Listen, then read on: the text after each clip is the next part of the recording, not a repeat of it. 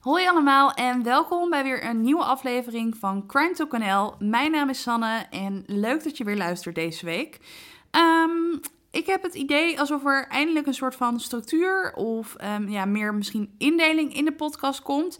En eh, ik merk voor mezelf dat ik dat prettig vind, maar ik denk dat het voor jullie ook wel fijn is om een beetje voorspelbaarheid te hebben. Uh, dus eerst de algemene mededelingen, dan de luisteraarvraag en dan de zaak zelf. Daarnaast waren er toch geluiden dat jullie het leuk vonden om uh, ja, luister, lees, kijktips te hebben wat betreft waar gebeurde misdaad.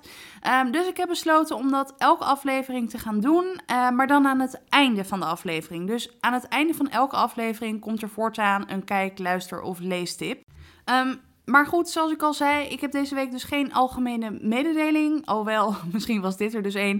Uh, maar ik wil in ieder geval nu doorgaan naar de luisteraarvraag. En deze week komt de luisteraarvraag van Elin. Ik hoop dat ik je naam goed uitspreek. En haar vraag is... Wanneer kwam je eerste interesse in deze verhalen en hoe oud was je en waarom? En heel toevallig, ik had het hier dus gisteren met mijn moeder over, omdat ik het me nog heel goed kan herinneren. Um, ik was namelijk een jaar of 13, 14. Um, ik ben nu trouwens 23, want die vraag krijg ik ook regelmatig. Dus dit is een jaar of 10 geleden. Um, en het begon allemaal met een boek. En ik twijfel een beetje welke van de twee boeken het was. Het was namelijk of de Deventer moordzaak Het complot ontrafeld door Bas Haan. Of het was een boek van en hier begint dus al mijn liefde voor Peter R. Vries. Het boek van Peter R. Vries, Alleen huilen balken hebben spijt. En de reden dat ik het me zo goed herinner, is omdat ik altijd zoveel waar gebeurde misdaadboeken op vakantie mee wilde nemen. Dat was echt een, ja, een dingetje tussen mij en mijn moeder. Ik ging dan naar de bibliotheek. Dit was namelijk voor de e-reader tijd. En dan haalde ik een stuk of 20, misschien wel 30 misdaadboeken die ik dan allemaal mee wilde nemen en allemaal wilde lezen op vakantie. En dat kon natuurlijk niet, want ja, je kan niet alleen een koffer met boeken meenemen op vakantie. En nou ja, dat was dus altijd een soort van gedoetje. En ja, dat is dus ook waar het allemaal begon. Waar ja, ik begon met me verdiepen in waar gebeurde misdaad. En dat is ook waarom ik gevoelsmatig altijd een soort van ja, connectie, extra connectie heb met de Deventer moordzaak. Omdat het dus een van de eerste zaken was waar ik me echt in heb verdiept. En ja, waar ik echt een soort van ja, in de ban van was. Um, en nog steeds eigenlijk ben. Dus deze zaak komt ook zeker een keertje in de podcast, um, omdat hij me nog altijd bezighoudt. Uh, ja, dus dat is denk ik het antwoord op de vraag. Zoals gewoonlijk uh, heb ik weer veel te uitgebreid verteld. Dat is een beetje het probleem in mijn leven. Um, maar goed, uh, dat was dus. Um, de zaak van vandaag. Ik denk dat dit wel een interessante aflevering is voor de Belgen. Want vandaag ga ik eindelijk een Belgische zaak doen. En ik moet zeggen dat er echt een nieuwe wereld voor mij is opengegaan.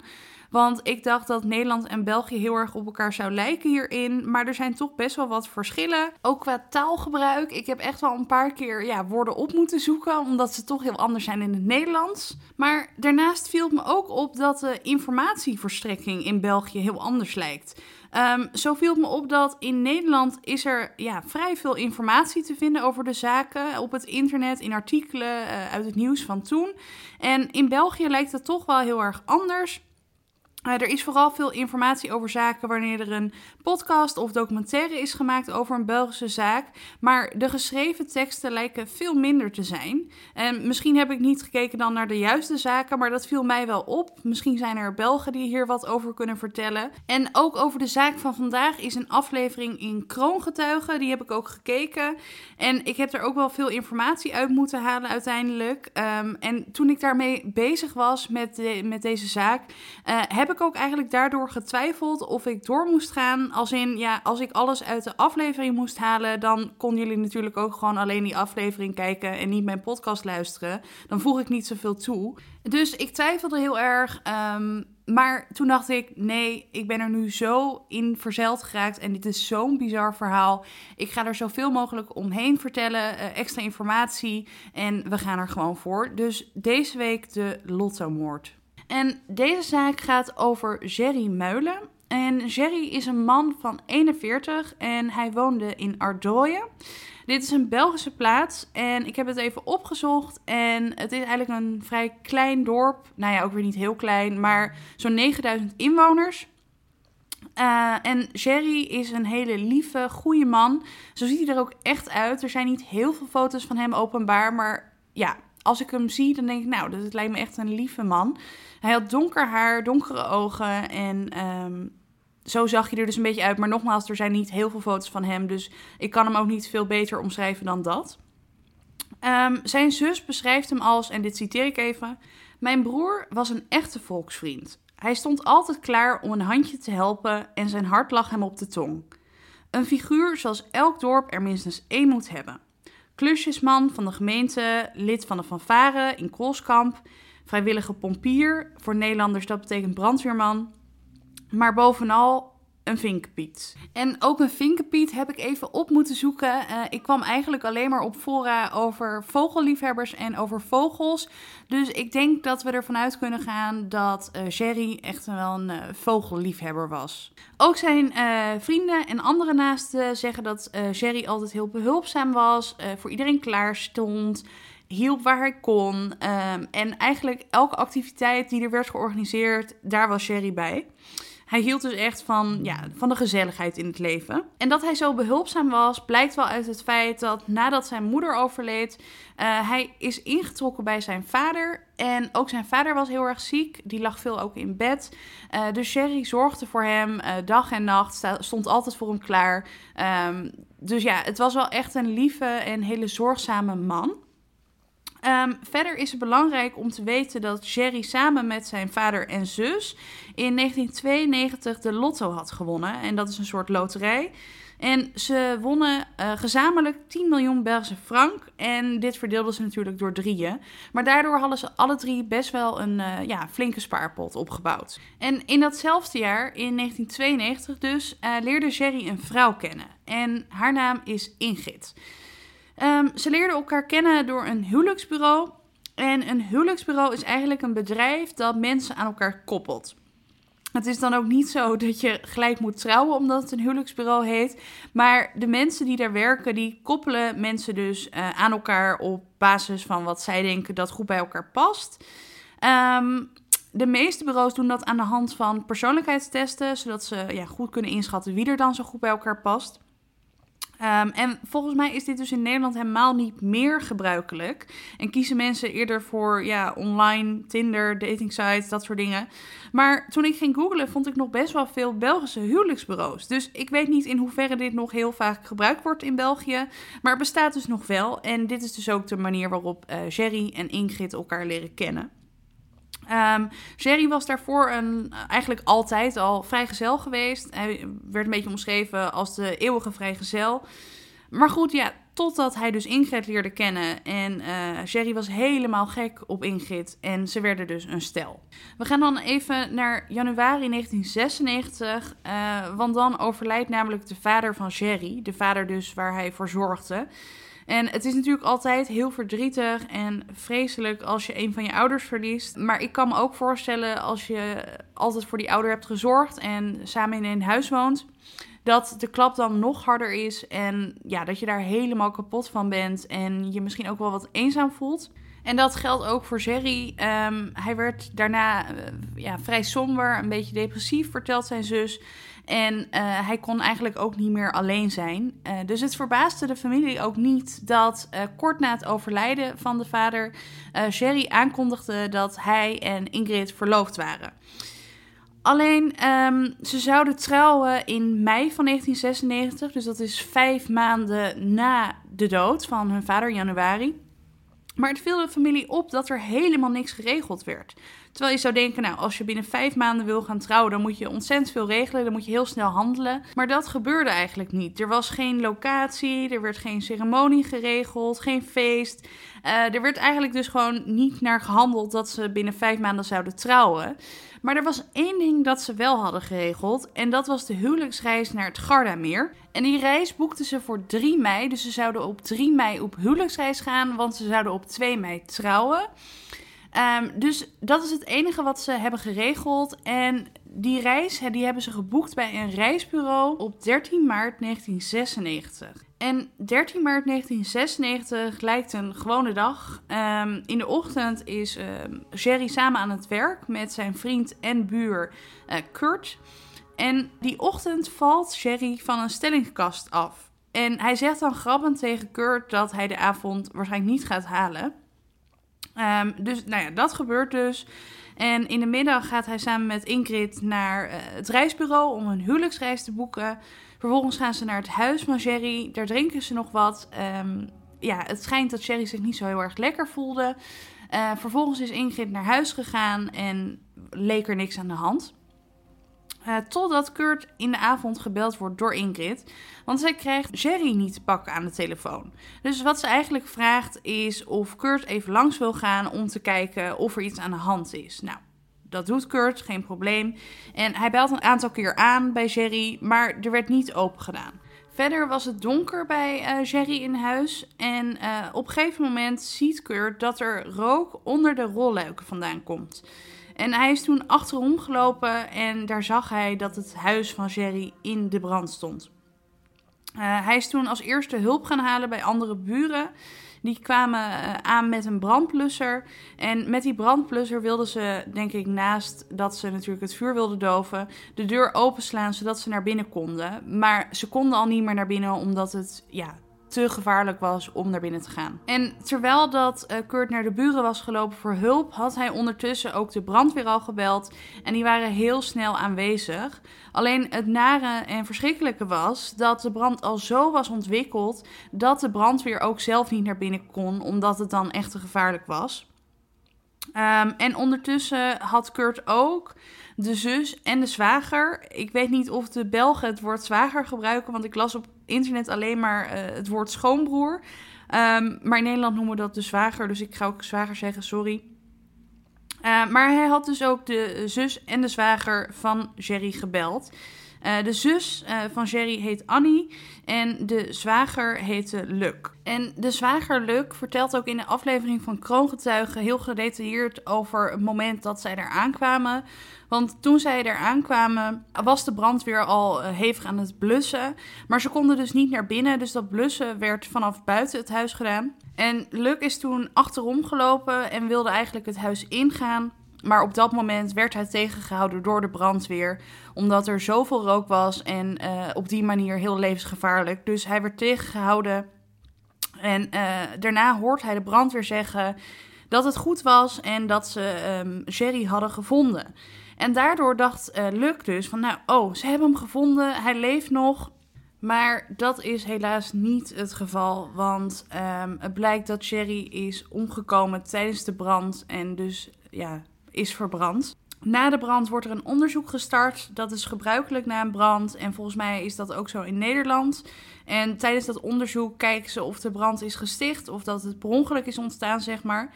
En uh, daaruit komt dat uh, Jerry is overleden door verstikking. En dat de brand is ontstaan doordat Jerry had gerookt op bed. Um, het was dus een ongeluk geweest. En er was eigenlijk niets meer of minder aan de hand dan dat. Hoe gruwelijk het ook was. En de familie is er natuurlijk helemaal kapot van. Um, en ook zo Ingrid, um, want ja, zij heeft haar verloofde verloren. En in de dagen tussen de brand en het begraven, zeg maar, dus in die tussentijd, trekt zij ook even in bij uh, zwager Luc en zus Annie. Um, en na een week na de brand wordt Sherry begraven. En uh, op dat moment is Ingrid zo overstuur en verdrietig dat ze zelfs flauw valt tijdens de begrafenis. Maar ondanks dat de brand dus een ongeluk was, had de familie van Sherry hun twijfels over het ontstaan van de brand, maar vooral eigenlijk ook bij Ingrid. Um, ze hadden Ingrid eigenlijk nooit echt vertrouwd. Uh, ze twijfelde heel erg aan haar liefde voor Jerry. Uh, ze vonden ook dat ze niet heel verliefd overkwam. En dat eigenlijk alles vanuit Jerry kwam. Hij deed ook alles voor haar, betaalde alles voor haar. Um, en daardoor hadden ze dus wel een beetje hun twijfels in hoe oprecht zij was. Daarnaast komt ook nog eens dat de vader van Jerry um, Ingrid ook helemaal niet vertrouwde. Um, hij zag haar natuurlijk wel regelmatig omdat hij samen met Sherry woonde. Dus als Ingrid dan bij hun thuis kwam, zag hij Ingrid automatisch ook. En hij had geen goed gevoel bij haar en had dus ook gezegd dat hij haar echt niet vertrouwde. En wat ook voor twijfel zorgde bij de familie was de oorzaak van de brand. Want die was natuurlijk dat Sherry zou hebben gerookt in bed en dat daardoor de brand was ontstaan. Maar misschien kan je nog herinneren, ik vertelde dat Sherry bij de vrijwillige brandweer zat. Dus dan zou je denken dat iemand niet zo snel in bed zou gaan roken, omdat ja, je dan de gevaren daarvan kan inzien en inschatten.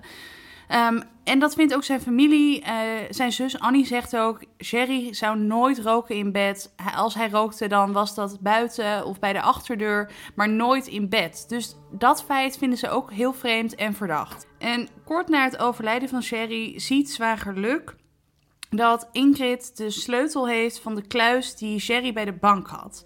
En vervolgens is hij samen met Ingrid samen naar de bank gegaan om de kluis te bekijken. En daar kwam hij er ook achter dat Ingrid de volledige beschikking had en uh, volmacht over die kluis. Wat Luc dus ook opvallend vond. En over opvallend gesproken, um, een jaar voor de dood van Jerry, dus in 1995, stelt Jerry een testament op. En in dat testament laat hij alles na aan Ingrid. En hier valt bijvoorbeeld onder, um, omgerekend dan van franken naar euro's, 300.000 euro aan spaargeld en twee huizen. En zijn vrienden vonden dat ook al wat apart om als je 40 bent om ja, dan al je testament op te stellen. En zij hadden heel sterk het gevoel dat Ingrid daarop had aangedrongen. Dus dat vonden zijn vrienden weer heel erg opvallend. En dan gebeurt er het volgende. En ja, ik vind dit echt super bizar. Maar um, kort na de begrafenis van Jerry krijgt de zus van Jerry, Annie dus, een anonieme brief. En in die brief staat eigenlijk allemaal informatie over Ingrid, die bevestigt wat de familie al langer denkt. Um, Ingrid is helemaal niet bij Jerry geweest vanwege zijn goedheid en lieve karakter. Uh, ze is bij hem geweest voor zijn geld. Ondertussen had ze ook nog andere mannen. Op dat moment woonde ze ook bij een andere man. En ja, er wordt gewoon eigenlijk bevestigd um, dat ze bij hem was voor zijn geld. En je moet je dus voorstellen, je twijfelt al zo lang aan iemand, je hebt je vermoedens en dan wordt dat ook nog eens bevestigd. Nou, ik zou helemaal gek worden. En ja, dat wordt niet letterlijk gezegd, maar ook de zus Annie uh, vindt dat dit echt de grens is en die stapt dan ook met de brief naar de politie. En Annie gaat dus naar de politie met die brief en vertelt ook aan de politie dat ze zo haar twijfels heeft over Ingrid zelf, maar ook over de oorzaak van de brand. Um, maar ondanks dat vindt de politie eigenlijk niet voldoende bewijs voor brandstichting of moord. Dus er gebeurt eigenlijk niet zo heel erg veel. Uh, het enige wat wel naar boven komt is um, de afzender van de anonieme brief. Dat is namelijk de zus van Ingrid. Dus haar eigen zus heeft er als het ware verlinkt. En nou ja, er gebeurt eigenlijk daarna niet zo heel veel. Tot een jaar na de dood van Jerry. Want dan krijgt de politie namelijk anonieme brieven in hun bezit. Er wordt niet vermeld hoe ze eraan kwamen. Ik heb het ook nergens kunnen terugvinden. Maar ze krijgen dus in ieder geval die brieven in handen. En deze anonieme schrijver van de brief zegt in de brieven dat de brand helemaal geen ongeluk waren, maar dat het een moord was. En in die brief uh, wordt Ingrid eigenlijk een soort van afgeperst in de eerste brief schrijft de schrijver namelijk dat hij anderhalf miljoen Belgische franken wil hebben. En in een andere brief, een tweede brief, schrijft hij dat hij 4 miljoen Belgische franken wil hebben. En dat bedrag is eigenlijk zwijggeld. Dus als ze dat niet zou betalen, zou de briefschrijver naar de politie gaan. En de politie dan ook de waarheid vertellen.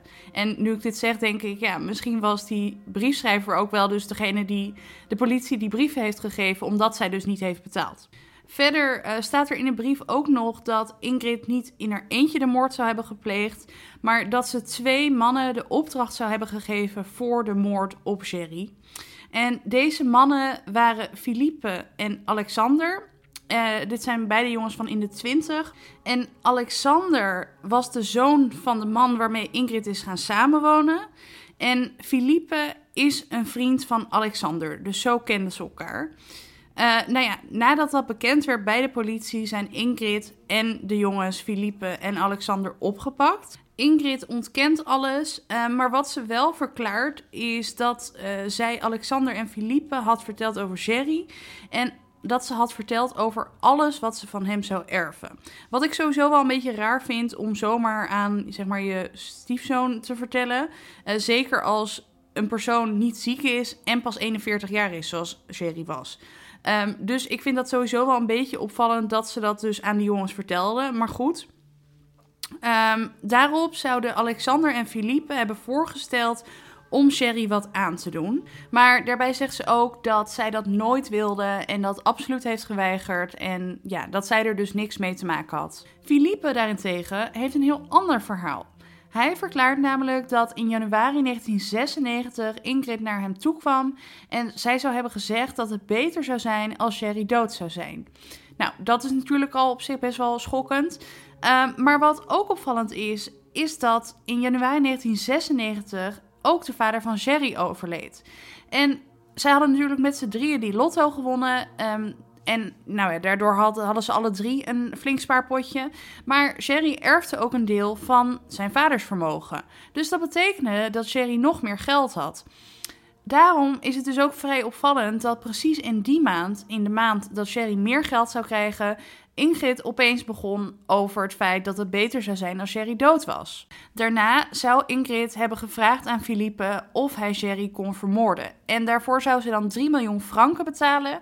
En dat geld kon Philippe wel gebruiken. Hij had schulden, geldproblemen. Dus ja, dat kwam hem zeg maar best wel goed uit. En daarop besluit hij om Alexander te vragen om hem te helpen bij de moord. En Alexander verklaart eigenlijk een soort gelijk verhaal. En uh, hij zegt ook dat ze dus opdracht voor de moord hebben gekregen van Ingrid. Maar ondanks de verklaringen van Philippe en Alexander blijft Ingrid ontkennen.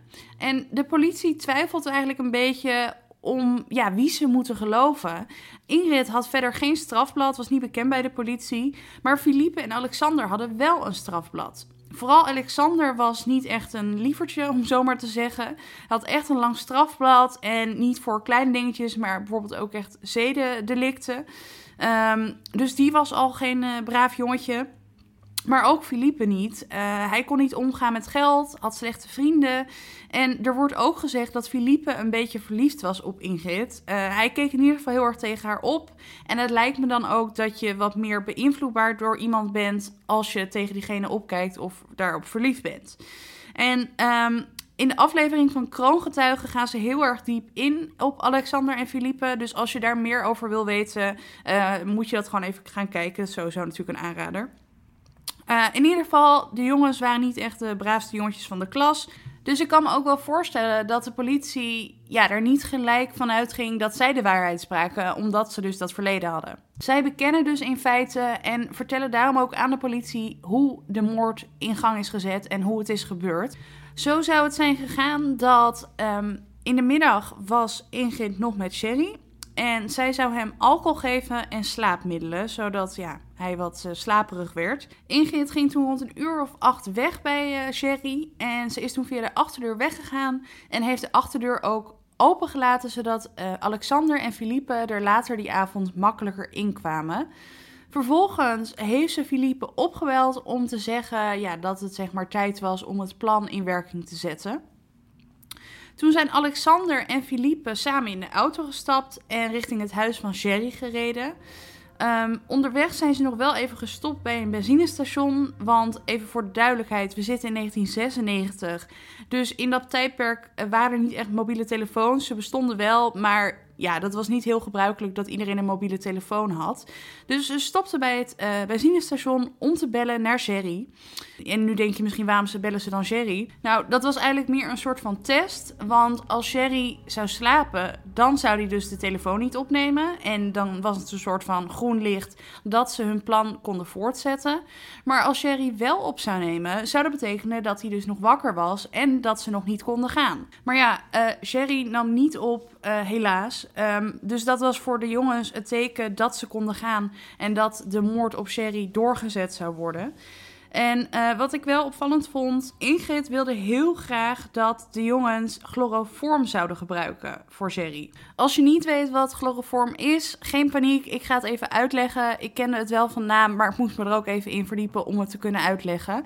Um, chloroform is namelijk een vloeibaar middel wat oorspronkelijk bedoeld was als verdovingsmiddel, onder andere. Uh, het werd gebruikt in begin 1900 maar al snel bleek dat het kankerverwekkend was en leverschade kon veroorzaken. Dus het was niet helemaal geschikt als verdovingsmiddel. En het lijkt me heel vanzelfsprekend, maar ik ga toch even benoemen en benadrukken.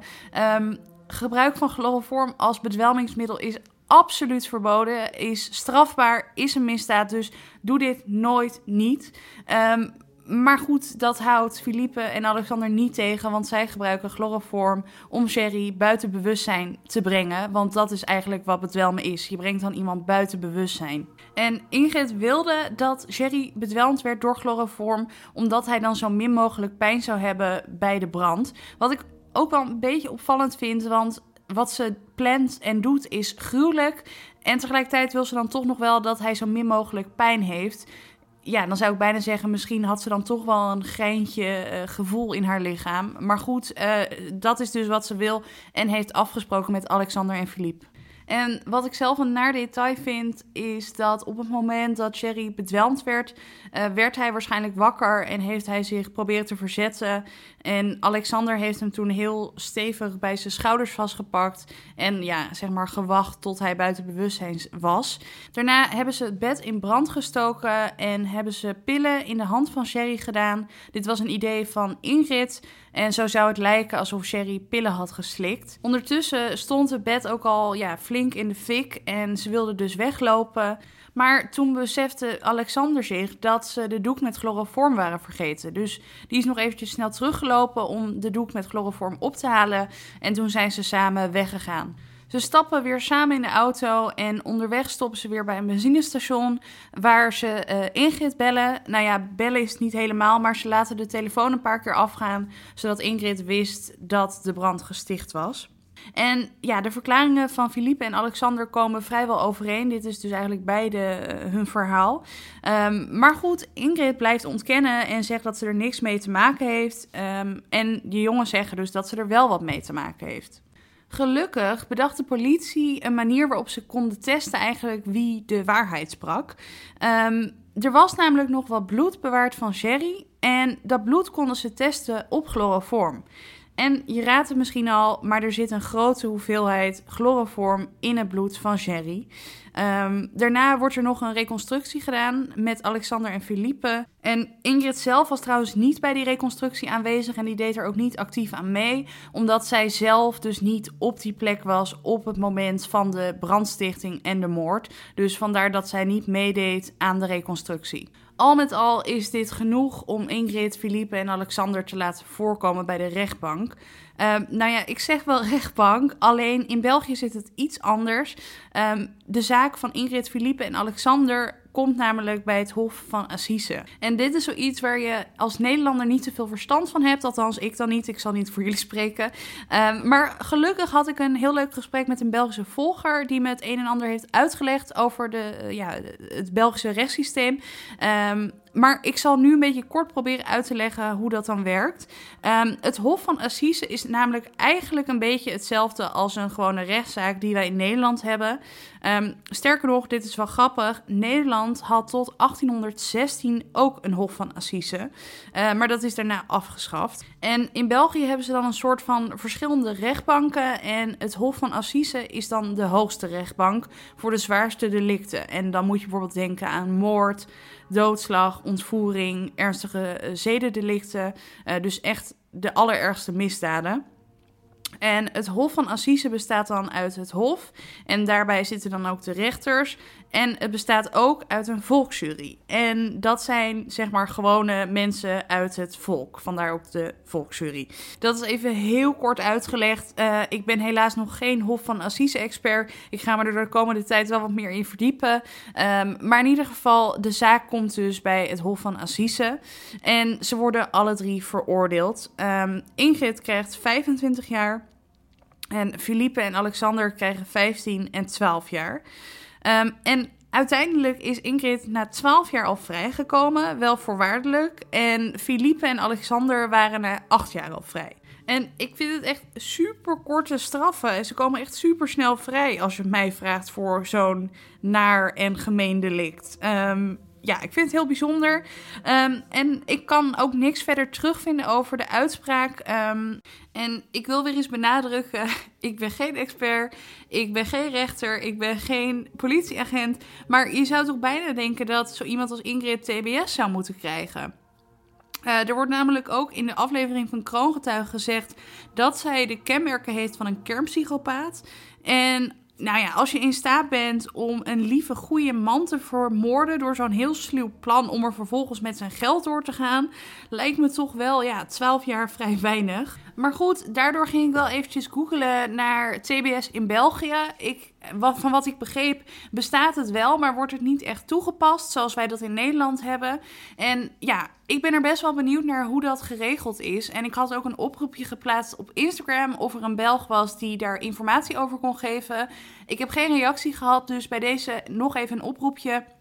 Ben je aan het luisteren en zeg je nou, ik weet wel wat af van TBS in België? Laat het me even weten, want ik vind het interessant. Uh, ik denk dat het nog wel van pas kan komen in andere zaken om als algemene kennis te hebben. En uh, dan kunnen we uiteindelijk allemaal wat leren. Maar goed, feit is en blijft dat Ingrid, Philippe en Alexander er ja, relatief snel van hun straf zijn afgekomen. En dat Cherry en zijn familie levenslang hebben gekregen. En ja, dat vind ik toch altijd een beetje oneerlijk. Niet een beetje oneerlijk, maar dat is gewoon ontzettend oneerlijk. Um, nou ja, goed. Ik vond dit echt een bizar verhaal. Echt zo'n zaak waarvan je zegt: wat een verhaal. Dit bedenk je gewoon niet. Um, en helemaal omdat ze bijna een soort van perfecte moord had gepleegd en er bijna mee weg was gekomen. Uh, gelukkig is dat niet het geval. Maar ja, ik vond dit echt een bizarre zaak. Ik vond het wel heel erg interessant om eens een Belgische zaak te doen. Ook omdat ik daar ja, heel veel van leer. Uh, dus ook tips wat betreft Belgische zaken zijn van harte welkom. Het liefst zaken die niet te bekend zijn, maar waar wel veel informatie over te vinden is. Los van podcast of documentaires. Uh, want zaken waar ik bijvoorbeeld heel erg mee meeleef is uh, bijvoorbeeld de zaak van Elke Wevers en Britta Kloetens. Maar ja, van deze zaken zijn al hele uitgebreide podcasts gemaakt van meerdere delen. En dat houdt me dan gelijk een beetje tegen. Uh, aan de ene kant kan het wellicht fijn zijn om een kortere samenvatting te hebben. Maar tegelijkertijd vind ik het dan ook een beetje raar uh, tegenover die podcastmakers. Omdat ik dan veel informatie uit die podcast moet halen. Omdat er verder niet heel veel extra informatie beschikbaar is. Terwijl zij superveel diepgaand onderzoek daarna hebben gedaan. Dus dat, ja, dat houdt me dus een beetje tegen. Um, hetzelfde gold dus eigenlijk ook voor deze zaak. Um, ik was wel genoodzaakt om kroongetuigen te kijken, omdat ja, de informatie op internet vrij beperkt was. Maar ik heb dus geprobeerd om er zoveel mogelijk omheen te zoeken, zodat het ook interessant is als je de aflevering al misschien wel hebt gezien op kroongetuigen. Um, dus ik hoop dat dat gelukt is. Zoals ik had verteld, wil ik dus voortaan aan het einde van de podcast een kijk, luister of leestip geven. En uh, nou ja, daar ga ik dus deze week maar uh, eens mee beginnen. en deze week wil ik graag een boek tippen om eventjes in de boeksfeer te blijven. En het boek dat ik wil aanraden is het boek Mokra van Wouter Laumans en Marijn Schrijver. En zoals de titel al wel verklapt, gaat het boek over de Mokra Een onderwerp dat nog steeds heel actueel is en waar ook nog veel ontwikkelingen in zijn. Um, en daarom is dit boek juist zo fijn om te lezen, omdat uh, er wordt eigenlijk uitgelegd hoe het is begonnen, hoe het in elkaar steekt. Um, ja, het nadeel van een boek is natuurlijk dat het niet zoals internet de hele tijd wordt bijgewerkt. Maar als je de kern wil begrijpen en het begin, is dit boek echt een aanrader. Het leest ook heel makkelijk weg. Ik denk dat ik het in één dag heb uitgelezen. Dus super makkelijk om te lezen. En het is ook heel toegankelijk. Er zitten niet heel veel gekke, ingewikkelde woorden in. Dus ik vond dit echt een aanrader. Mokra van Wouter Laumans en Marijn Schrijver. Overigens best wel toevallig en grappig dat je achternaam Schrijver is als je een boek hebt geschreven. Flauw, oké, maar dat terzijde dat was hem weer voor deze week. Ik hoop dat het interessant was. Ik hoop ook dat ik niet allerlei boze Belgen achter me aankrijg. Omdat ik woorden verkeerd heb uitgesproken of iets verkeerd heb uitgelegd. Als het zo is, laat het dan even weten. Uh, dan zal ik, daar, zal ik mijn leven beteren. Um, nogmaals, ik hoop dat het interessant was. Um, wil je contact, wil je me volgen? Je kan me volgen op Instagram en TikTok, crime.nl. Je kan me mailen op crime.nl.gmail.com. En uh, ja, als je dat niet doet, ook prima. Uh, dan ben ik er gewoon volgende week donderdag weer. Uh, zorg dat je erbij bent. En nou ja, voor nu dan een hele fijne week en tot horens.